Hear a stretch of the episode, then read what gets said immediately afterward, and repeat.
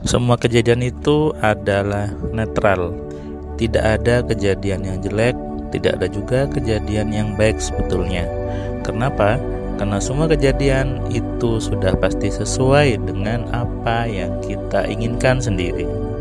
Hanya banyak orang tidak mau menerima, tidak mau memahami bahwa setiap peristiwa, setiap kejadian yang terjadi di hidup kita adalah hasil dari keinginan kita sendiri, sehingga tidak pantas untuk kita mengeluh atau kita merasa tidak nyaman atau merasa kurang menerima, kemudian merasa sakit hati ataupun apalah namanya terhadap sebuah peristiwa.